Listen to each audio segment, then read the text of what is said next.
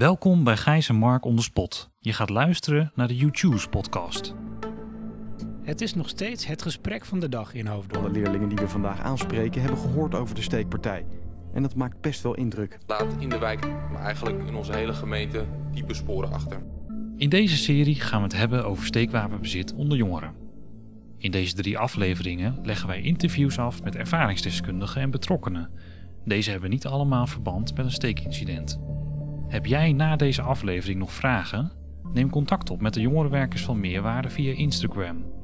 Je vindt ons op jongerenwerk-meerwaarde of via onze persoonlijke accounts. We gaan nu luisteren naar aflevering 1, waarbij we in gesprek gaan met jongeren op straat en een jeugdagent. Maar allereerst gaan we luisteren naar het verhaal van een omstander bij een steekincident. En toen werd ik gebeld door mijn vader, want die, die, woont, daar, eh, die woont daarachter. Van joh, eh, er zijn hier allemaal politie, eh, ambulance, traumahelikopter. Nou, toen ben ik er snel naartoe gegaan, want ik was bang van wat er gebeurd was.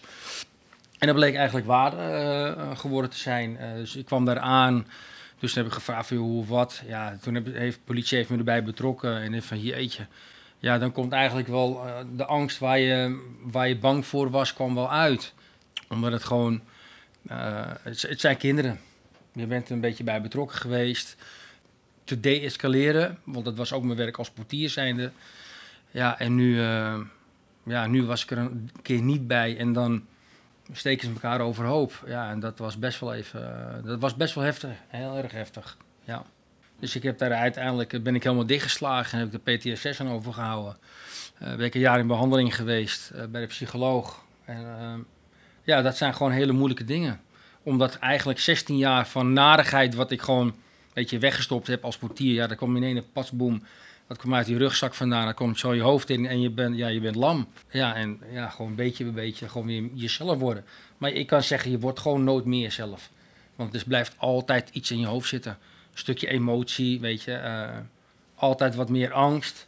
Ik zal niet meer zo snel een groep instappen. Weet je, wat je normaal gesproken, wat je 16 jaar deed. Ja, dat is nu gewoon. Je bent wat afstandelijker geworden. Ja. Ja. Dus ja, dat, dat, dat is gewoon die angst. En dat heeft PTSS een stukje, dat, dat heeft dat wel getekend. Ja. ja. Als het er helemaal in zit, kom je er in je uppie niet uit. Dan heb je echt iemand nodig om je eruit te hengelen. En dat is. eh daar ben ik dan wel heel blij hoor. Dat, dat, ja, dat ik dan de vrienden om me heen heb die weten van mijn incident, van mijn geval waar ik, waar ik last van heb. En dan geef ik aan van jongens, oh, het gaat echt niet. Nou, dan nemen ze me mee en dan gaan we even rustig praten. En dan kom ik tot rust. En dan, eh, en dan ben je ook gewoon weer jezelf. Ja, ja. maar ook gewoon eh, jullie, zoals van- van Meerwaarde. Het is gewoon heel belangrijk dat jullie ook gewoon met de jeugd mensen kunnen praten. Dat ze gewoon voelen dat er een luisterend oor is. Dat is echt heel belangrijk. En dan komen vaak verhalen wel. En dan, ja, dat is gewoon heel belangrijk. Luisteren naar mensen. We hoorden hier een getuige van een steekincident in Haarlemmermeer. Dit heeft heel veel impact op hem gemaakt, maar ook op de buurt. Hoe kijken jongeren hiernaar en voelen zij zich wel eens onveilig? We vroegen het jongeren op straat.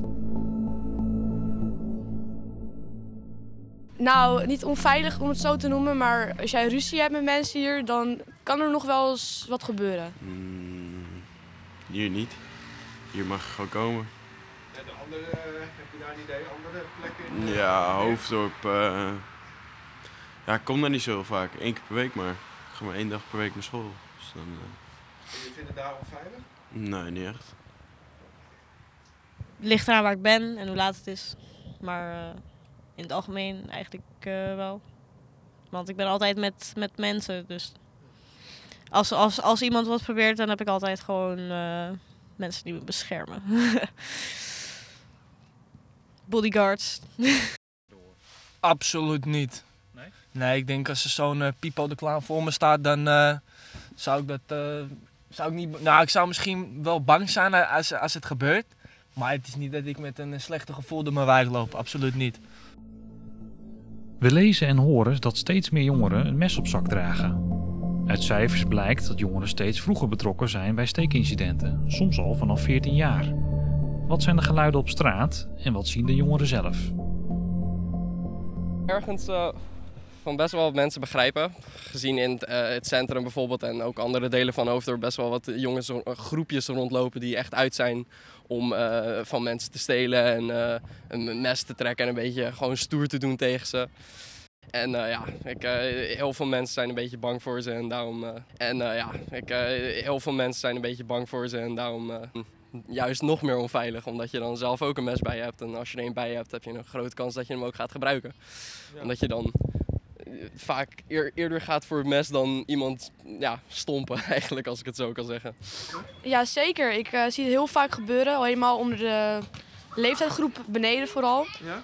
Vooral als ze gewoon een beetje stoer willen doen voor hun vrienden. En als er hele grote groepen bij komen kijken, dan gebeurt het vooral heel snel. En waarvoor doen ze dat dan, denk je? Nou, sommigen zullen het misschien doen om zich wat stoerder te voelen, wat hoger te voelen. Maar anderen zullen het misschien ook al gebruiken om zichzelf echt te willen beschermen. Omdat ze gewoon bedreigd worden op straat door hele grote groepen. Want ook heel veel gebeurt dat hier. Ehm, ja, eigenlijk zie ik er niet zo heel erg veel van eh, op straat. Vooral recent met corona en zo. Ben, is er sowieso, zijn er weinig mensen buiten. Dus dan zie je het ook niet vaak. Maar eh, vorig jaar heb ik wel eens erover gehoord en zo. Maar ik heb het verder zelf nooit meegemaakt. Je ziet wel dat als, ik, eh, als het regent en ik heb mijn capuchon op met een pet op, dan eh, lopen de mensen met een boog om me heen. Allemaal dat soort dingen. Dus eh, veel politie in de wijk, dat soort dingen. Ik heb daar absoluut geen verkeerde bedoelingen mee natuurlijk. En ik vind het een pet dragen wat mijn haar zit slecht. Maar als je een pet op hebt, dan heb je gelijk wel... eh, en je hebt een zwart jasje aan, ben je wat de lul natuurlijk. Tegenwoordig. Sommige jongeren zien dat leeftijdsgenoten een mes op zak dragen. Soms om stoer te doen, maar ook vanuit angst. Wij zijn benieuwd wat de politie ziet. We vroegen het Kim, jeugdagent in Haarlemmermeer. Ja, mensen krijgen natuurlijk best wel veel mee. Ze, ze zien het niet alleen, maar ze zien het natuurlijk ook in de media. Ehm, ja, kranten, nieuws. Het, is natuurlijk best wel, het wordt natuurlijk best wel breed gecommuniceerd. Mensen hebben wel denk ik wel een stukje van onveiligheid. Waarom in mijn wijk en wat is er dan waarom het in mijn wijk gebeurt? Kan ik nog wel veilig over straat of moet ik juist binnen blijven als het donker is? Dus niet alleen dat het gebeurt in de wijk is ernstig, maar ook inderdaad daaromheen. Mensen voelen zich- een stuk minder veilig ik denk niet dat het per definitie onveiliger is op straat.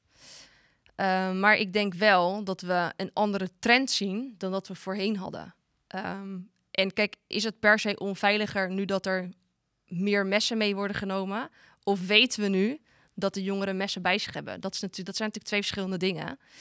Uh, maar omdat we weten dat jongeren messen bij zich hebben, voelen we ons per definitie een stuk onveiliger. Ik denk niet dat het per definitie onveiliger is, maar ik denk gewoon dat we met z'n allen scherper moeten zijn in wat er gebeurt, maar dat we ook voor elkaar moeten zorgen. En die signalen moeten uitspreken en durf maar te vragen en spreek mensen aan. In de volgende aflevering gaan we verder met Kim in gesprek over wat de politie doet als zij een melding ontvangen van een steekincident. Een kinderrechter over het jeugdstrafrecht en een jongere die vertelt over zijn ervaring in de jeugddetentie. We willen alle deelnemers in deze serie bedanken voor het delen van hun verhaal, expertise en ervaringen.